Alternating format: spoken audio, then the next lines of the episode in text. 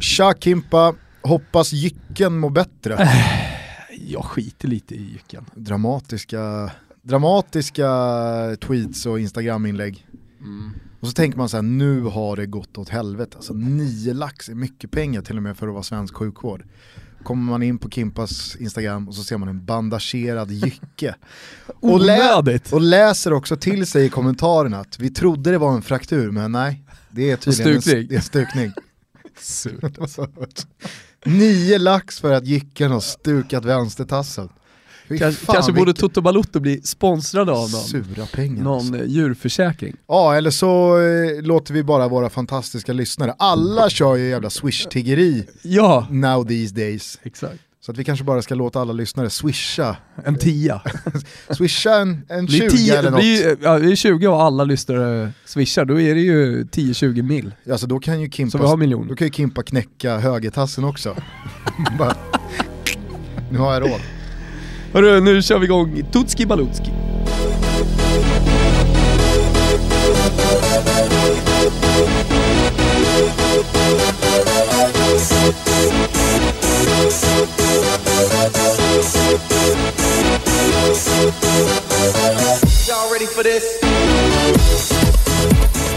Hjärtligt välkomna ska ni vara till Toto Balutto. Det är måndag den 6 november. Vet du vad 6 november är för dag eller? Klart jag vet. Berätta då. Äh, jag vet ju vad 6 november är. Du som brukar pissa på ja, mina jag vet, jag vet. allmänbildningsskills. 6 november, ja nu kommer det bli så irriterande när du säger vänta, vänta, vänta, vänta, vänta. ge mig en liten ledtråd. En liten ledtråd. Jag behöver bara... Eh, Dimmigt. Fan! Nej, jag kommer inte på det. Nej, Jag är 99,9% säker på att det var den 6 november 1632 som Gustav II. Adolf dog i slaget i Lützen. Klassisk, eh, klassiskt slag. Mm. Är det mest klassiska slaget kanske? Ja, det får vi nog säga att det Karl är. I alla fall i svensk. Nej, alltså han hade många slag men inte jättemånga Men klassiska. när han dog, Alltså det var ju så här, dimman. det var, det var i Norge Ja. och så tar man inte riktigt vad det var. Däremot så vet man ju så här, hans, hans kändaste slag var väl Poltava. ja, han har ju några, men absolut, Poltava är stor.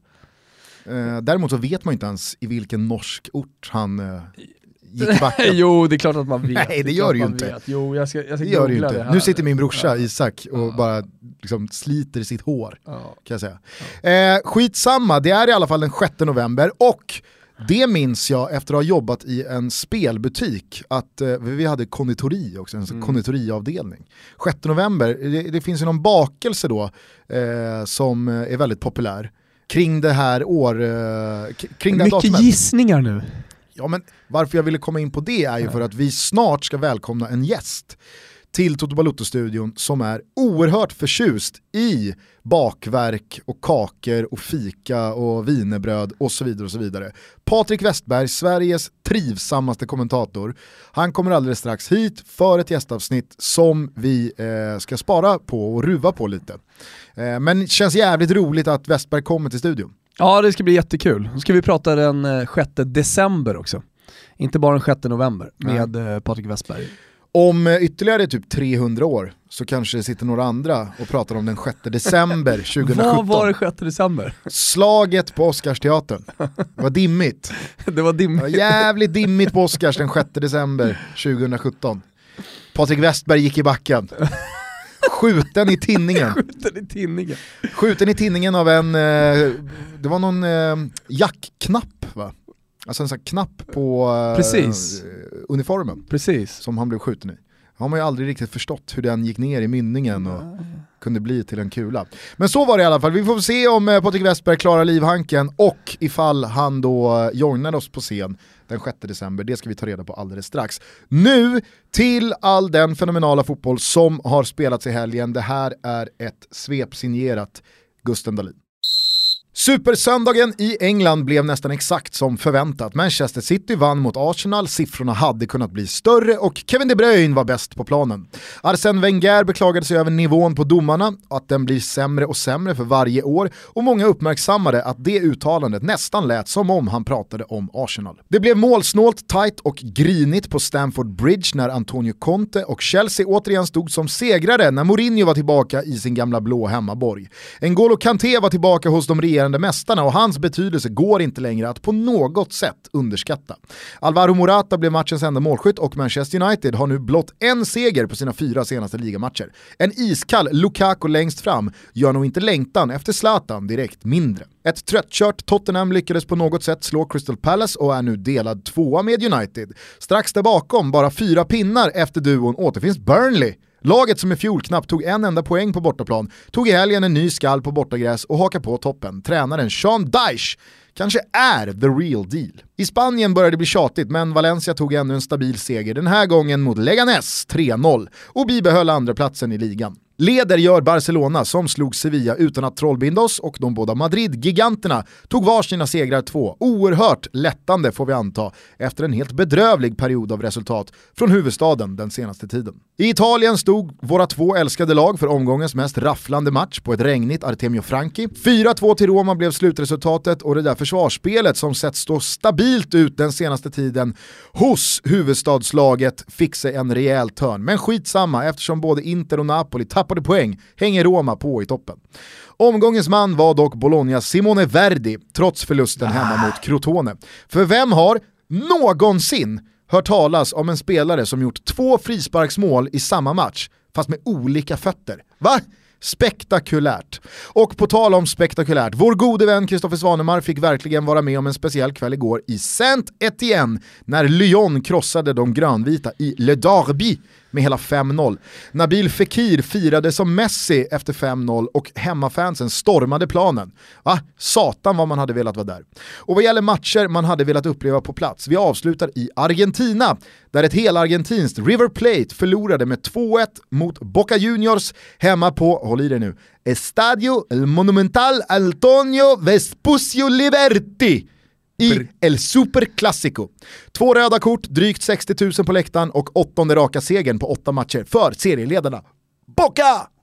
Och som ett brev på posten så kommer också Toto-elvan, eh, Sirigu i mål, vilken jävla match han gjorde för Torino. 3-4 mirakel. Och sen hade vi eh, Touré, Monacos Touré alltså, jättebra back. Eh, och sen flyttar vi ner Kanté, Chelseas mittfältare som mittback på ett klassiskt Mascherano-vis. Mascherano-vis, ja exakt. Och sen så har vi Cook som du vill ha in och jag säger inte emot när du vill ha in någon. Nej. Vilket, jag tror inte ens folk vet vilket lag han spelar i. Han spelar i Bournemouth, ja. höll eh, stången och nollan borta mot Newcastle och så knoppade ja. han in Bournemouths eh, oerhört Känn efterlängtade seger. Känn inte att ni har liksom dålig fotbollskunskap för att ni inte vet vad Cook spelar.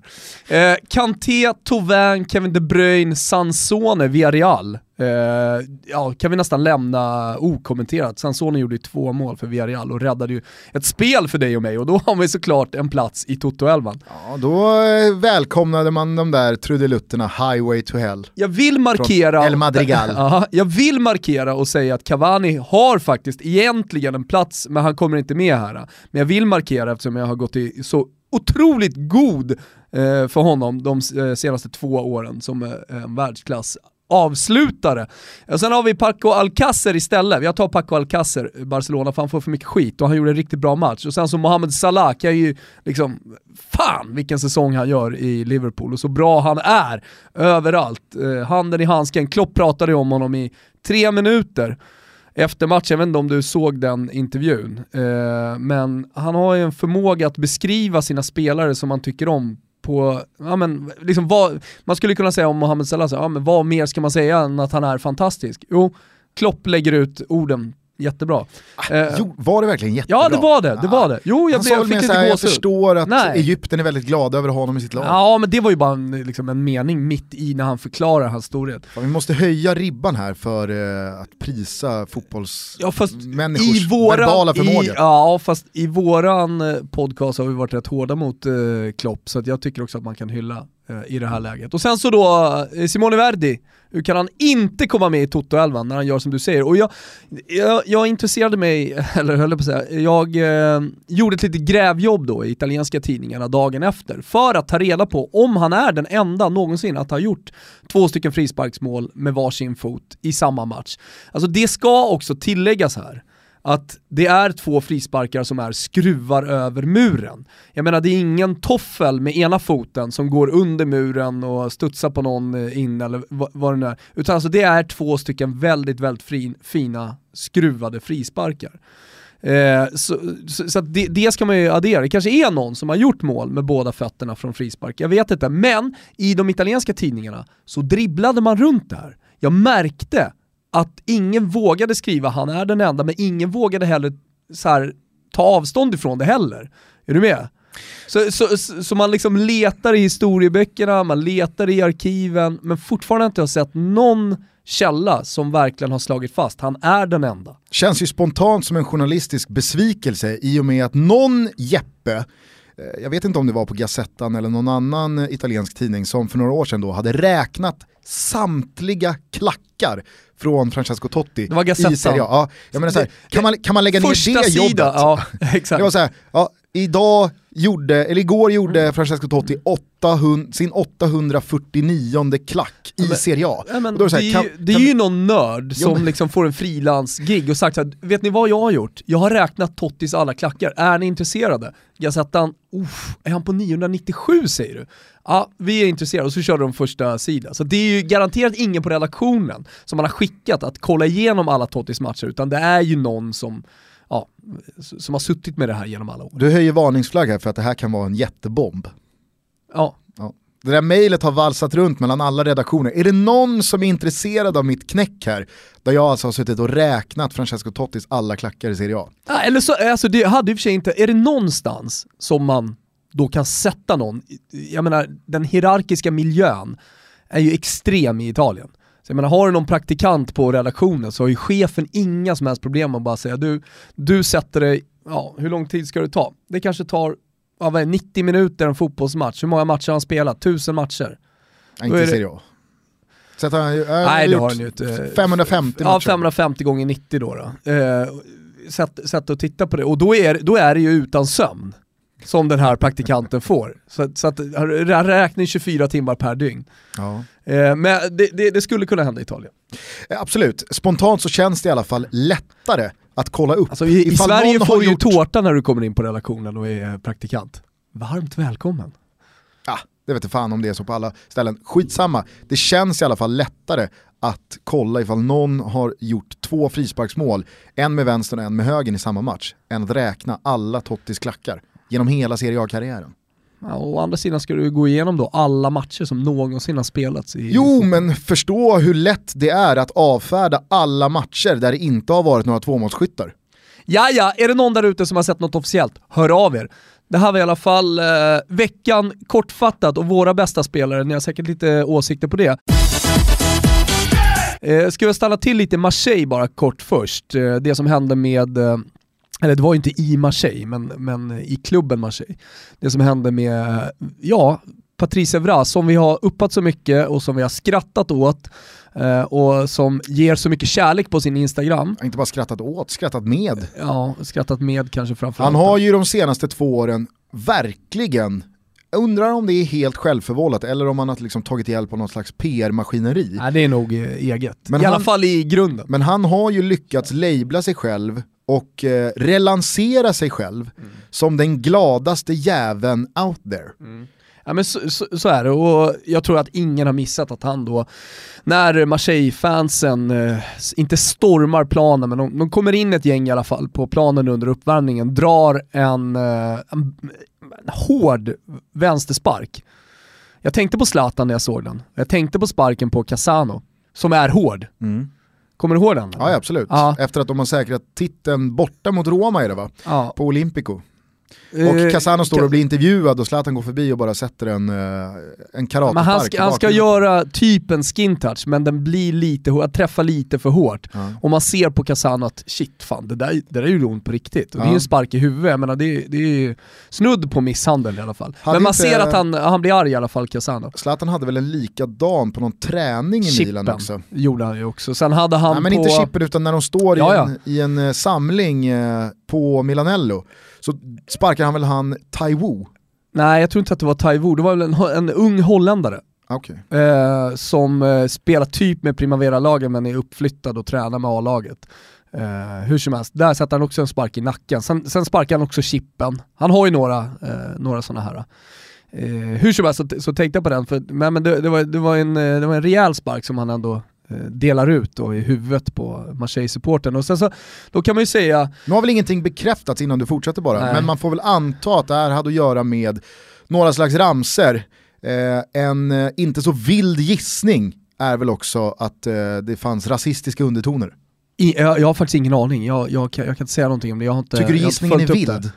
Nej men alltså jag, det, det jag tänker är ju att det är någon slags Helsingborgs eh, vrede från Marseille-supportrarna, att de inte är nöjda med lagets eh, prestation och att de således liksom försöker gå in på planen och ha någon slags kvartssamtal. Det var så i alla fall så jag uppfattade situationen. Fast det här är ju och innan gissa- matchen, Jo, efter en resultatrad som är kanon. ja. Nej, jag, det- ja. det- det- nej, ja, ja men, men skitsamma, jag vill inte sitta och gissa ut. Nej nej, jag skulle, bara nog, jag skulle nog bara kort vilja säga att det är en vildare gissning. Ja, ja.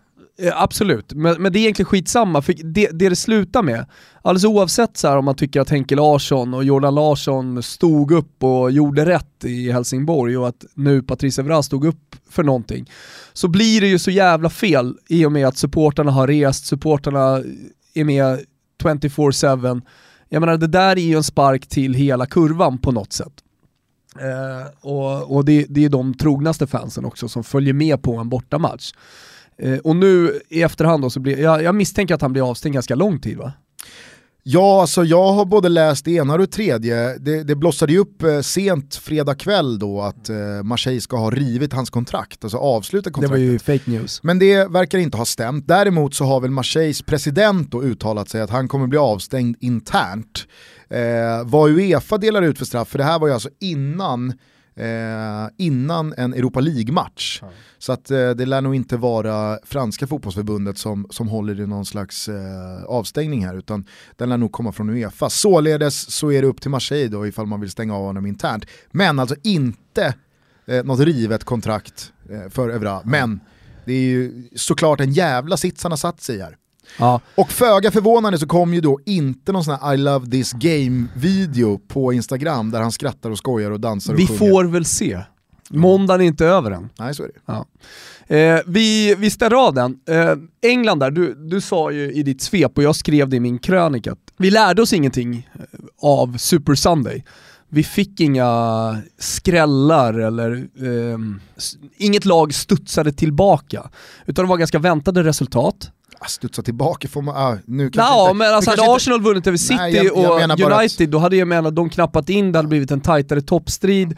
Eh, nu vann City, och de vann välförtjänt oavsett om det var domartabbar. Ja, Jag skulle bara säga att det, nu kanske inte den matchen hörde till Super Sunday, men var det något lag som studsade tillbaka så var det ju Everton som lyckades vända då. Underläge Ja, men 0-2 nu till tänkte seger. jag på toppen. Ja det, det, det förstod jag, men jag ville bara ha det sagt.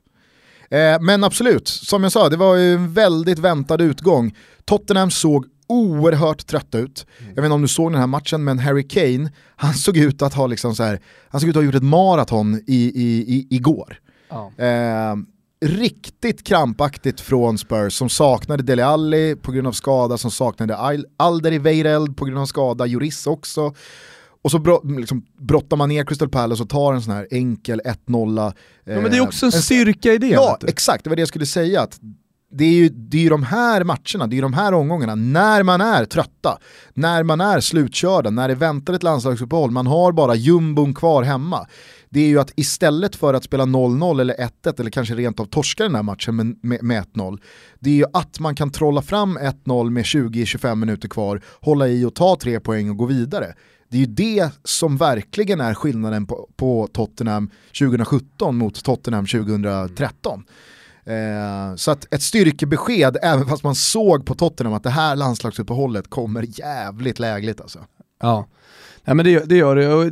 Det är ganska intressant med, eh, eller intressant, men just med landslagsuppehåll. Eh, alltså är du i en fin form, då vill du ju inte ha det. Utan du vill att det bara ska tuffa på. Vad händer när vi kommer tillbaka? Har vi tappat allting då? Kommer no miss, tappar vi någon spelare under landslagsuppehållet? För det är alltid någon jävla nyckelspelare som går sönder ju. Jo, fast där är väl Spurs då ett bra motbud. Att även Exakt. fast de är i kanonform mm. och har radat upp eh, jättebra resultat senaste veckan bara, slagit Real Madrid och nu seger igår, så tror jag ändå att de känner att hade det varit match igen mm. tisdag, äh, fy fan, då hade det varit tung, tunga buggar alltså. Mm. Eh. Nej, men, nej men jag tänkte på det hur som helst med, med Arsenal, nu förlorar man borta mot ett fantastiskt Manchester City, man kan ju som Wenger gjorde också ifrågasätta domarinsatsen, men det spelar liksom ingen roll, för nu, nu, nu förlorar de den matchen och det slår mig också hur lite tålamod det finns kring Arsenal och det här, det här är ju en situation de har satt sig i själva att oavsett om det är Manchester City på bortaplan, en match som man inte ska vinna så att säga, eh, så, så, blir man ändå så här, äh, fan nu är det kris i Arsenal igen, nu hamnar de efter. Och det är klart att det lever med Champions League och de, de, de kommer säkerligen vara med och kriga om det, men, men håll med om att det här tålamodet kring dem, den bägaren är liksom slut, det finns ingenting kvar i den. Eh, utan eh, så fort Arsenal gör en prestation som är mindre bra mot ett sämre lag eller förlorar mot de bättre, så är man där igen och undrar vad fan som ska hända med, med Arsenal. Jag tyckte, och jag, det är ju någonting som man har byggt upp nu, att man har den här förlorarstämpeln på sig. Alltså hur, det, det, går ju inte med Arsène Wenger, alldeles oavsett vad han sätter, alltså vilken resultatsvit om man skulle vinna tio matcher i rad, så kommer han ju inte bli av med den. Vi, vilket då sätter Arsenal i en situation, jag vet att alla redan har konstaterat det och vi har pratat om det jättemycket och DT på Arsenal TV pratar om det varje dag. Men man är i en situation som är med Arsène Wenger, or, den går inte att rädda. Nej. Och kolla, kolla nu liksom på, på lag, oavsett om det är botten eller om det är toppen i, i de olika, olika ligorna som byter tränare för att rädda, rädda det som räddas kan så att säga så borde ju Arsenal vara där nu. Alltså det, det, det, det, är ju faktiskt helt otroligt att man, man bara fortsätter och fortsätter. Jag tycker han ska få sparken efter varje match egentligen. Ja. Jo men och så ser du Alexis Sanchez, eh, men det är ju inte bara det, utan det, krisen så att säga är ju så mycket djupare. Den är ju inte bottenlös såklart, men eh, med starkt varumärke och alltihopa, men, men med säsongskortsinnehavare som inte vill gå på Emirates, alltså hela den flytten har ju blivit eh, kanske inte ekonomisk men, men i alla fall sportsligt och eh, stämningsmässigt ett fiasko från Highbury till, till Emirates. Eh, men, men att se Alexis Sanchez och Mesut Özil drutta runt och veta vilken potential de, de sitter inne med och vecka efter vecka då prestera kanske hälften av deras maxkapacitet. Det, det är ju eh, det är sorgligt, men det är också smärtsamt och se Alexis Sanchez vara 50% och dessutom då veta att i sommar går de gratis. Mm. Så ja, det är ju liksom så här, både kortsiktigt att han bänkar Lacazette i den här matchen, Lacazette kommer in och visar att nej, du skulle tydligen inte ha bänkat mig, för jag är din bästa anfallare. Det var jag som kom i somras som skulle skjuta oss eh, till någon slags seger eller poäng i de här stora matcherna. Det är därför jag är här. Eh, dels det då, om man pratar om kortsiktigt eh, dåligt coachat av Arsene Wenger. Men sen också att det då finns det här bottenlösa, tragiska eh, in, ingen plan, det är planlöst. Han, han yrar runt vilset tillsammans med hela Arsenals sportsliga ledning. Ja, alltså, och det här var ju inte första sån här stor matchen som Lacazette var bänkad. Han eh, fick ju även nöta bänken eh, i, i, mötet med Liverpool tidigare i höstas. Så att man undrar ju ifall Wenger ens har förtroende för den här halvmiljardsvärvningen eh, Lacazette. Men det låter jag vara osagt. Däremot så tror jag inte att Wenger ska någonstans. För att var det någon gång han skulle få gå så var det ju i våras. När man alltså missar den här Champions Champions League-platsen som hela tiden har varit hans hållhake eller vad man ska säga, hans livlina gentemot ledningen att jag löser ändå Champions League-plats efter Champions League-plats efter Champions League-plats. Nu gjorde han inte det och ändå så blir han belönad med ett nytt tvåårskontrakt. Så att mm. jag, vet, jag vet faktiskt inte om jag ens eh, ser det som eh, överhuvudtaget rimligt att Arsenal skulle tänka om nu med Cronky och Holding i, i, i ledningen där. Men vad vet jag, eh, jag skulle i alla fall vilja eh, avsluta vår lilla eh, eskapad eh, och odyssé i Premier League här på Stamford Bridge. Vilken odyssé. Snabbt går det. Nej men eh, för ett år sedan, mer eller mindre exakt, så såg vi Antonio Conte fira 4-0 tror jag, eh, mellan Chelsea och United eh, med storslagna gester, Mourinho han lackade ju totalt, eh, lät Conte få veta efter slutsignalen att sådär beter man sig fan inte. Kanske om man gör 1-0 i 90 men när man vinner med 4-0 då behöver man liksom inte håna. Då behöver man inte håna och pissa på motståndaren som står bredvid där. Jag vet inte, det fanns väl någonting i det Mourinho sa, samtidigt så var det lite sorgligt att se en sån kaxig jävel som Mourinho har varit under så lång tid. Jo, men stå vi vet liksom... ju hur han har firat också. Ja men precis, det är det jag menar. Han har ju firat mot Barcelona så inåt helvete tidigare gentemot andra. Men skitsamma, nu då den här gången eh, så var det ju iskallt redan från start. Eh, Mourinho stod och väntade på Conte när han äntrade planen inför avsparken. Conte tar hans hand, tittar inte på honom, går bara förbi och sen så väntar man ju då hur det nu ska bli efter slutsignalen när Chelsea då avgår med segern igen. Och återigen så ställer sig Mourinho då och väntar, Conte skiter ju fullständigt i Mourinho, går ut på plan, firar med spelarna, klappar mot supporten och sådär. Och Mourinho står bara och tittar långt efter honom. Eh, tio minuter senare ish så ställer Mourinho upp på en intervju, han får frågan, eh, fick du tag i Conte? No, he disappeared. He disappeared. Eh, infekterat. Ja. infekterat så det förslår. Alltså, jag vet inte, men har du noterat någonting sen ett år tillbaka mellan Mourinho och Conte? Eller är det tyst. liksom... Eh, det har varit tyst. Är det den situationen som raserade allt? Jag tror det. Finns det någon återvändo här? Conte är ju permaloso som man säger i Italien, alltså han är ju lite långsint. Italienarna har en förmåga att vara det. Eh, så det, det, det, lever ju kvar någonstans i honom. Sen tycker jag det känns som att han, så här, eh, han, han, nästan så att han inte står upp och vågar gå fram till Mourinho, utan väljer den enkla vägen så att säga. Att bara helt enkelt dissa. Svälter räv. Äh, vadå? Jag vill ju fira mina fans, jag vill fira mina spelare, det var en stor seger. Ja men precis, för att lite om, feg om Mourinho var ja, för jag förloraren, tycker, jag eller vad man ska säga, alltså, för ett år sedan. Man pratar om fotboll och så finns det så oskrivna regler.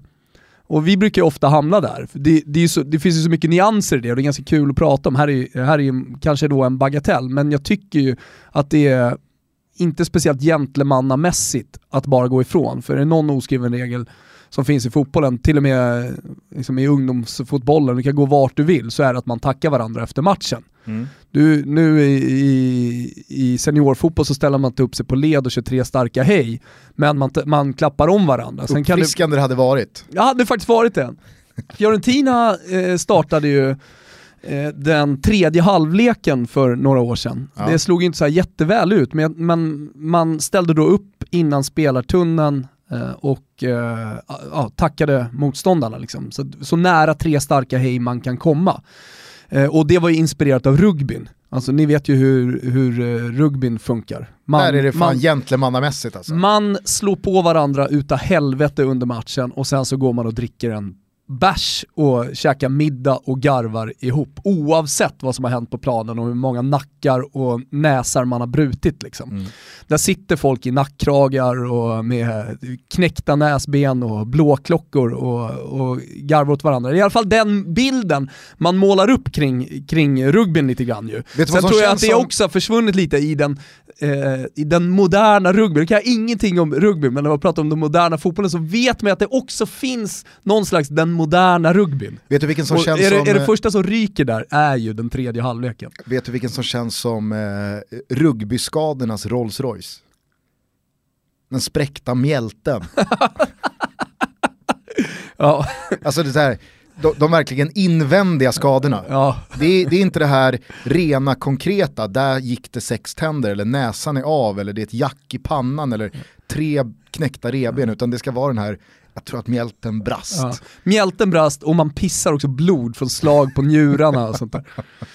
Exakt, Nej, men det jag skulle landa i var att för ett år sedan, även fast man kanske tyckte att Mourinho hade något slags rätt i sak, att kom igen, stå inte och fira sådär, så blev han ändå lite den moraliska förloraren. Dels för att man vet hur mycket han har firat genom åren eh, på, på eh, liksom vulgära sätt, men också för att det kändes lite deppigt att Mourinho alltså vi Mourinho, stod där och nästan bad om nåder från någon att snälla håna mig inte.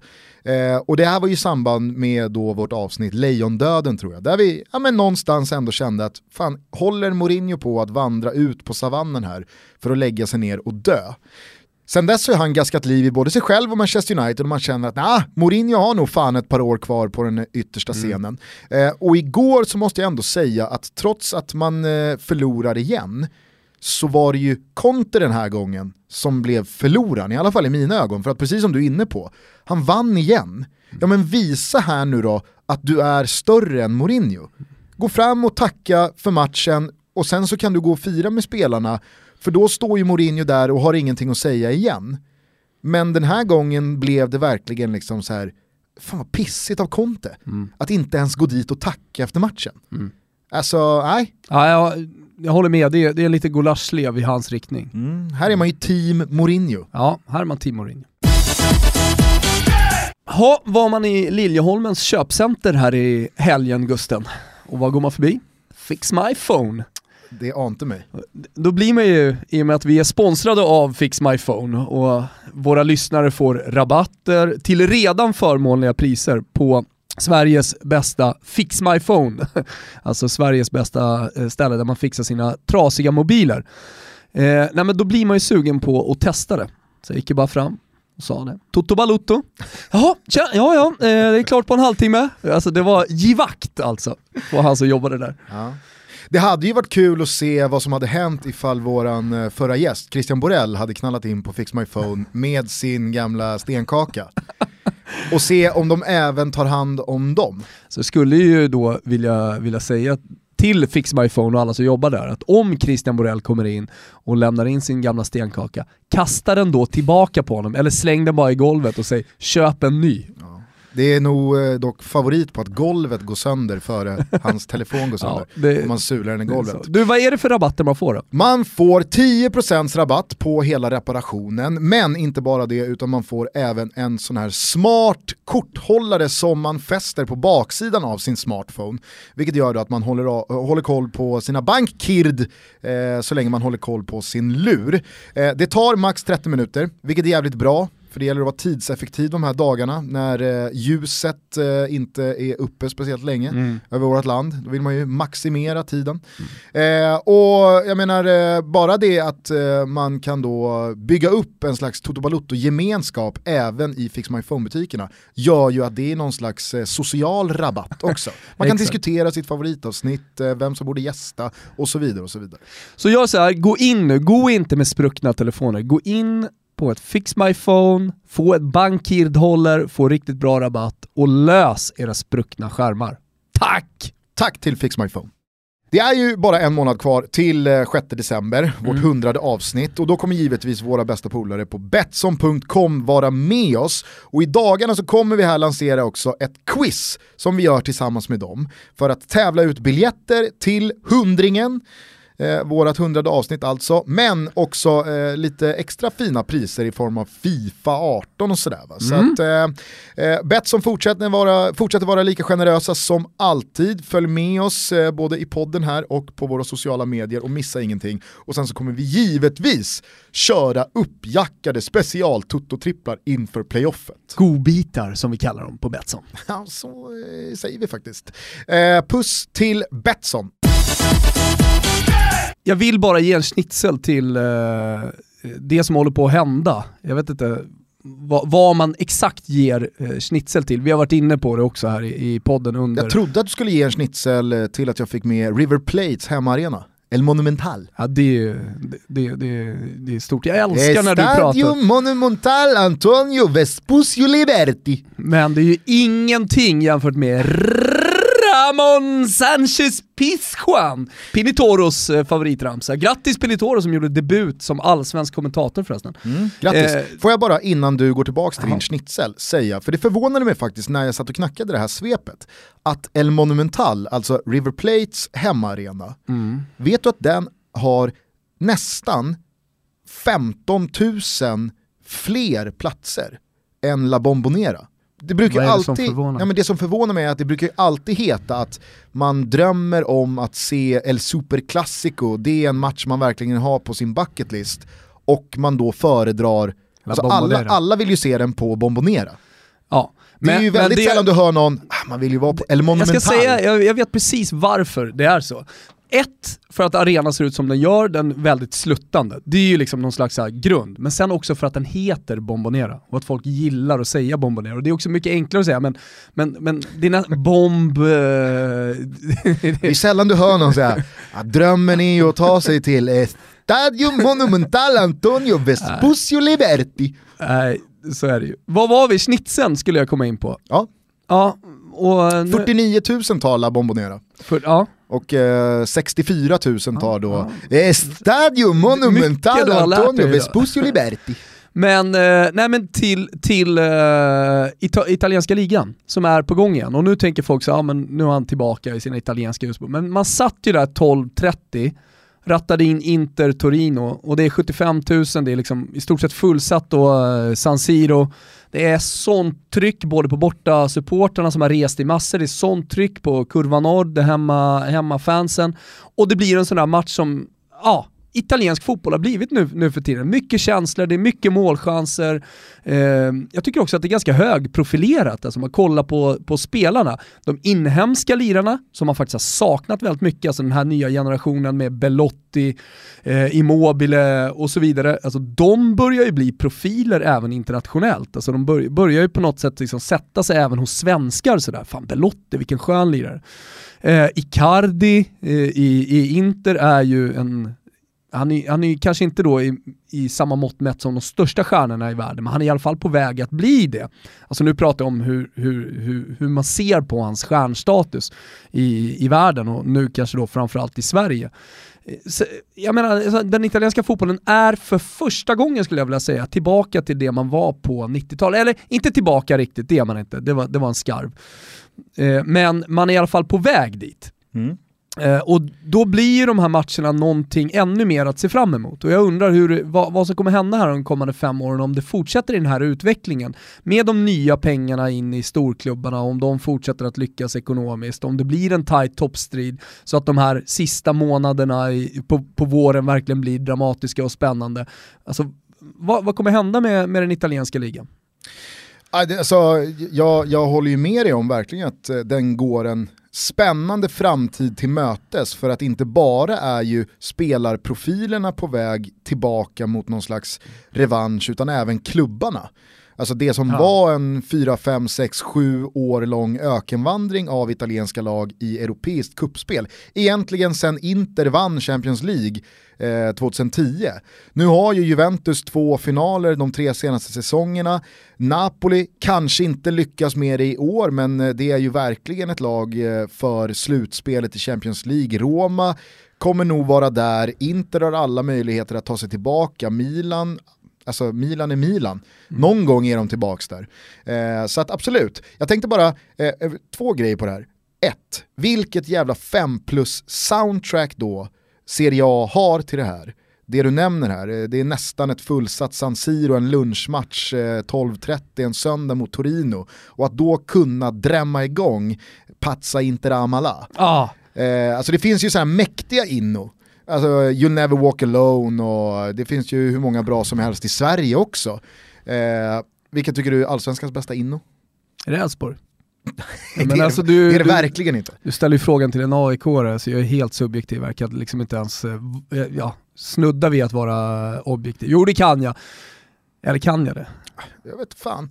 Ja, alltså Blåvitt är ju enorm tycker jag. Eh, just idag är jag stark. Har ju flera gånger jätte till. Alltså det här är en mäktig inno. Men även Men Malmö, alltså det finns väl många. Ja, ja. Det jag skulle komma till i alla fall var att när många klubbar går på det pampiga, det, det liksom eh, historiska vingslag ska göra sig påminda. Där kör ju Inter då, alltså nu, nu vrider vi upp volymen här till fest. Mm. Eh, det blir ju jävligt mäktigt. Ja, men, och där, där har ju Italien då, för att nämna tre olika take, precis som du är inne på. Du har Roma, Roma, Roma, Roma. Och så, alltså det pampiga, det storslagna. Sen så har du festen med Amala! Pazza inte Ramala! Ja men du vet, så här, man, man går igång. Fan jag trodde inte det skulle bära där. På Amalas slutskede. Alltså, jag, kom, jag, jag, fyllde år för några år sedan och jag har ju faktiskt inga vänner som har firat min födelsedag, jag har ingen släkt som heller har varit speciellt intresserad av att fira till exempel min 30-årsdag och så vidare. Vi får se vad som händer när jag, när jag blir 40. Men alltså jag har en god vän i David Kanske Neves. Kanske minns att jag för två månader sedan lurade med dig till Rish och hade samlat gardet. Det var faktiskt, du minns också att jag grät. Ja, jo, absolut. Men och då kan vi tycka såhär, en överraskningsfödelsedagslunch man fyller 30, jag tänkte faktiskt komma till det Gusten. Uh -huh. Men, eh, men där, där jag fäller, och där rösten brister, fäller några, fäller några tårar på grund av en födelsedagslunch, då förstår du liksom hur, hur sällan sånt där händer i mitt liv. Eh, men för några år sedan då, från ingenstans, så blev jag eh, då eh, bjuden på en helkväll av David Neves. David Neves. Ja, jag, jag gillar att köra den portugisiska egentligen, David. David Neves. David Neves. Eh, hur som helst, eh, och på tolvslaget så uh, på något uteställe i Stockholm, jag kan dem inte, typ V, Vippen, så uh, släcker de bara helt ner och sen så kör de igång Amala! och så kommer det in uh, då um, sprutande drinkar. Men det, det jag skulle komma till det. Vad fyller du då? 35? Jösses ja, typ vad sorgligt. 36 eller någonting såhär. Jo. Men, men, men det var, det var, det var för mig, jo, men det var en jävla rolig kväll och det var en jävla fin gest från Nevs men jag skulle bara säga, det väntade hade ju varit att Fiorentinas inno hade dragit igång. Mm. Men det går ju inte, för där har vi nästa då eh, variant, den italienska gamla 50-talshymnen. Det är nästan Maria som en Viola lotta con vigore per essere di Firenze vante gloria na, na, na, na. Och så, så här, skrackligt eh, dåligt ljud från eh, ett eh, högtalarsystem som också är från typ 50-talet. Eh, det är ju charmen tycker jag med de olika eh, hymnerna, mm. att, att det då finns så mycket olika. Men håll med mig då om att då Pazza inte Ramala, det är ett perfekt då soundtrack till festen som Serie A har börjat hålla igen. Eh, så får vi se vart det slutar. Min andra take på det var bara, om man spegelvänder på det här så börjar jag känna att vi mer och mer eh, närmar oss Tyskland. Fan vad iskall Bundesliga känns. Visst, för liksom, det interna, för de invigda, innanför murarna, så är det ju fortfarande fullsatta hus och en, en liga som sprakar med, med publiksiffror och så vidare. Men jag vet inte hur mycket, antagligen ganska, eh, färgad man är av att eh, Bundesliga inte längre sänds på svensk tv. Visas ju dock på Expressen gratis nu. Ja, men det... Jag är med, jag är ja. med ramas det, inte in av en Det påverkar ju ganska så lite att det går att se. Du kan ju se de flesta matcherna via ja, spelsajter idag också. Visst, det gör visst. ju inte att intresset växer för Nej. dem nationellt här. Nej, det finns ingen media i Sverige som aktivt, förutom svenska fans då och eh, enstaka twittrare, som aktivt jobbar med Bundesliga. Nej. Ingen höjer statusen. Och du kanske då noterade att jag inte ens har med Der Klassiker i mitt svep från helgen. Alltså Dortmund Bayern München, det som för bara något år sedan, några år sedan, kändes som en av Europas mm. absolut mest glödheta matcher. Känns idag liksom ljummen. I Sverige ljummen. Ja, den känns mm. avslagen. Jaha, Bayern München vann med 3-1, mm. okej. Okay. Eh, trots alla svenskar som finns i den tyska fotbollen, både i Bundesliga och i Zweite, så känns det också lite så här, äh, fan, jag är inte så jävla intresserad av hur det går för Wendt i Gladbach. Nej, med just Wendt så finns det ju flera anledningar att han har slutat i landslaget och sånt där, så kanske man hade intresserat sig mer, men, men jag håller med dig generellt sett kring svenskarna. Sen är det ju ingen Wendt undantagen, eh, Albin eh, har ju ändå fått fäste i, i Hamburg och så vidare, men, men det är ingen, eh, och jag tror att det är ganska viktigt, ingen offensiv spelare som verkligen har slagit Nej, kanske. Alltså jag Å tror, andra jag sidan- tror, jag Å andra tror sidan så har du ju Alexander Isak och där, jag vet inte, där finns det ju någon slags så här, ja men fan jag, jag, jag är intresserad av hur det går för Isak. Ja. Men det har ju inte gjort eh, Dortmunds match mot Hannover liksom mer intressant. Ja, jag tycker bara att hela, he- hela liksom, jo, men nu, eh, vi vi har konstaterat detta tidigare här i podden också, men, men, det, men det blir ju tydligare och tydligare för varje vecka Ja, som den går. tyska fotbollen lever farligt i Sverige, så är det. På tal om Albin, eh, det dök ju upp rykten här igår om att eh, Sporting Lissabon visar ett eh, konkret intresse för vår älskade mittfältare. Och, då är inte Toto Balotto sämre än så att då mässar vi givetvis direkt Albin. Så att inte någon annan kommer bärandes på de här citaten nu när det ska samlas till landslag och sådär. Vi skrev bara till Albin för en timme sedan, har vi en kommentar till Sporting-ryktena eller? Eller ska vi dundra ut att det är klart? Och då skrev Albin här bara, det är bara rykten, journalister som ni borde förstå hur saker och ting fungerar. Passa på att känga också. Så kör ju Albin också en gammal smiley, alltså med tecken. Som jag, Semikolon Ja. och eh, frånvänd eh, parentes. gillar det. Eh, så att, eh, det verkar ju bara vara rykten, jag tror inte att Albin ska någonstans alltså. Nej, jag tror han har det ganska bra där. Å andra sidan Sporting, det är Champions League. Eh, Mm. Ställer man möjligheterna till att spela Europacupfotboll så är ju Sporting ett bättre alternativ än Hamburg. Men eh, ja, precis. Jag tror att, eh, nu gissar jag bara vilt, men jag tror att liksom nästa destination för Albin kommer nog framförallt handla om cashen. Ja, men skulle det då i förlängningen innebära att han går och, ska vi säga, mjölkar kossan någonstans eh, österut eller söderut, så kan det ju faktiskt bli så att Albin Ekdal, nu när jag tänker på det, jävligt förvånande nog, aldrig har spelat Europacupfotboll. Vore inte det jävligt märkligt sett till hans karriär? Att han då passerar 30-strecket utan att ha spelat Champions League, och rätta mig nu om jag har fel, men det tror jag verkligen inte att jag har, Europa League. Bologna, Cagliari, Siena, Juve tidigt, Brommapojkarna, Hamburg. Hamburg. Nej men det har han inte gjort va? Nej. Han har slagits i botten i Ja, två och ett halvt. Mittenbotten med Ja. Hamburg i två och ett halvt år. Bologna var han ju aldrig ute med. Ja, nej. Cagliari, nej. Jävla Siena, fint nej. mittfält han bildade tillsammans med Conti Nainggolan och sen han också på, på, som Metsala. Ja, nej, men eh, håll med mig, nu när jag tänker på det så hade det varit eh, förvånande. Mm. Kanske att är det då Albin- det han, det han väljer alltså, alltså att, vel, att spela Europacupfotboll, att det är viktigt för honom. För han har ju tidigare varit ganska tydlig med det, att det är viktigt liksom, att sen summera karriären med många minnen. Mm. Alltså så att när man, eh, när man summerar så har man varit med om det mesta. Och jag menar, det har, han har ju varit med om det mesta men inte Europacupfotboll, ja, det har rätt. Ska vi helt enkelt då bara köra över Albins svar och dundra ut att det är klart? Ja. Albin är så klar för Sporting Lissabon. Smart. Smart val Albin! får man säga? Europafotboll.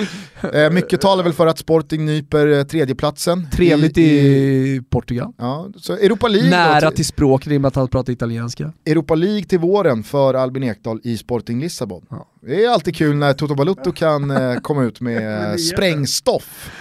Ja, härligt. Allsvenskan 2017 är färdigspelad, i alla fall grundserien eller vad vi ska kalla det. Eh, Det återstår ju ett kval här nu mellan J Södra och Trelleborg. Jönköping hade det ju i egna händer, men Andreas Andersson, andre målvakten i Östersund, han stod för ännu en kanoninsats. Nära att komma med i veckans elva igen. För andra gången. Ja. Nej, det hade varit mäktigt. Nej, men eh, J Södra fick inte hål på Andersson, den matchen slutade 0-0 och samtidigt då, då som Giffarna tvålade till Blåvitt med 3-0, ja då hamnade bröderna Tallin på den där kvalplatsen och möter Trelleborg efter landslagsuppehållet. Eh, på det, jag har egentligen inte så mycket att säga om att J Södra hamnar på kval, jag tycker att de har stått för en en ganska så svag säsong. Eh, men att Giffarna löser det här är ju dels kul för Tommy Naurin, Toto Balutto-favoriten, eh, som fick ta järnvägen hem till Sundsvall, får vi ju anta, firar det här nya kontraktet ganska hårt.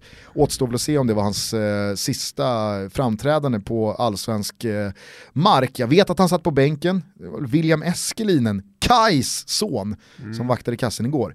Nej men så är ju ändå grejen, tycker jag, med den här matchen, på det sättet IFK Göteborg avslutar den här allsvenska säsongen alltså. Fy fan vilken piss i ansiktet på de här supporterna som inte bara den här säsongen, utan nu i flera år, har fått kämpa med denna klubb som även fast det borde finnas alla förutsättningar i världen för dem att ta sig tillbaka mot toppen, bara glider längre och längre och längre bort. Mm.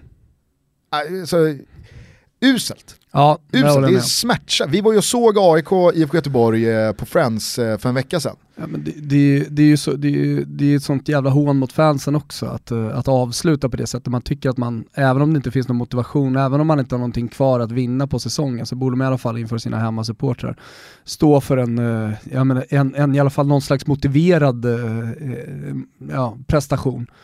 Alltså där, där, man visar, eh, jag tycker lite samma sak med Hammarby, alltså där, där, alla går ut och verkligen krigar för den matchen och för stoltheten att spela i klubben. Ja, alltså för att jag hade några diskussioner då med några IFK Göteborg-supportrar igår kväll, att det var så här, men vi är inte bättre, vi har inte en bättre trupp rent Nej. kvalitativt. Nej, det kanske man inte har. Jag tittar inte heller på IFK Göteborgs trupp och tänker att fan de här borde varit med och slagits i toppen. Nej. Men det är ju inte det man reagerar på när man ser hur Blåvitt har sett ut de sista omgångarna, utan mm. det är ju precis som du är inne på. Det är uppgivet, det är håglöst, det är liksom elva spelare som inte vill vara på plan, det finns inget driv, det finns inget go, det finns noll signaler om att ja, men, nu visar vi ändå en respekt här gentemot alla er som har kommit och mm. betalat för att se oss spela fotboll. Och exakt samma sak eh, kring Hammarby, där har ju supporterna visat sitt missnöje senaste tiden. Eh, och Jakob Mikkelsen har ju tillsammans med Jesper Jansson då predikat att man bygger för 2018. alltså, de byggnadsställningarna, de ranglar nu. Mm. För att det är en, eh, alltså redan, trots att det bara är november 2017, så känns det som att det redan är en pressad Jakob Mikkelsen ja. inför 2018. Ja, men sen, sen, så ska man också veta, alltså många har ju haft åsikter om att Hammarbys, eh, framförallt bortafölje då, har, har sjungit och festat och så efter matchen. Och då tänker man ju liksom att hela Hammarby, på något sätt, eh, alltså hela Hammarby supporterskaran är nöjda och glada och så vidare. Jag pratade med Anel Avdic igår som var på matchen eh, som sa att det var, det var ju upprorstämning på långsidan. Det sades både det ena och det andra, det skreks och folk stod upp och var, var helt vansinniga. Så att jag menar så här, det är en sak hur, hur, hur kortsidan då eh, väljer att tackla motgångar i sitt supporterskap och hur, hur det låter totalt sett liksom i, i Hammarbys supporterled. Ja och det som ändå är på något sätt kanske rimligt i matchen Blåvitt-GIF Sundsvall att den slutade 3-0, det var ju att Giffarna hade allting att spela för. De hade kniven mot strupen, ja. de var tvungna att vinna. Bayern möter alltså ett redan avsågat Halmstad som är i superettan redan och torskar ändå med, med, med 3-1 hemma på, på uh, Tele2. Så att nej, alarmerande signaler från Hammarby och IFK Göteborg och jag tror att det kanske inte är Alf Westerberg och Torbjörn Nilsson som är pressade där, utan här är det snarare Mats Gren mm. som jag vet inte, det verkar ju onekligen vara ganska många som försvarar honom och har mm. så gjort senaste året. Men när den här hösten nu summeras och Göteborg går i ide, oklart och faktiskt för mig ganska så svårt att förstå vilka som egentligen stöttar det här projektet med Mats Gren bakom ratten. Eh, för att nej, det, nej, det, det, det ser inte bra ut alltså. Nej. Det ser inte bra ut. Nej, men det är alltid trist att avsluta säsongen med kris. Ja, det... Och sen inleda en ny får man ju verkligen mm. säga. Eh, kris blev det i alla fall inte för Djurgården. De sydde ihop säcken till slut, vann borta mot Kalmar med 2-0. Kerim Rapti och Andreas Isaksson får vi säga, stora matchhjältar. Och Djurgården löser en Europaplats för första gången på tio år.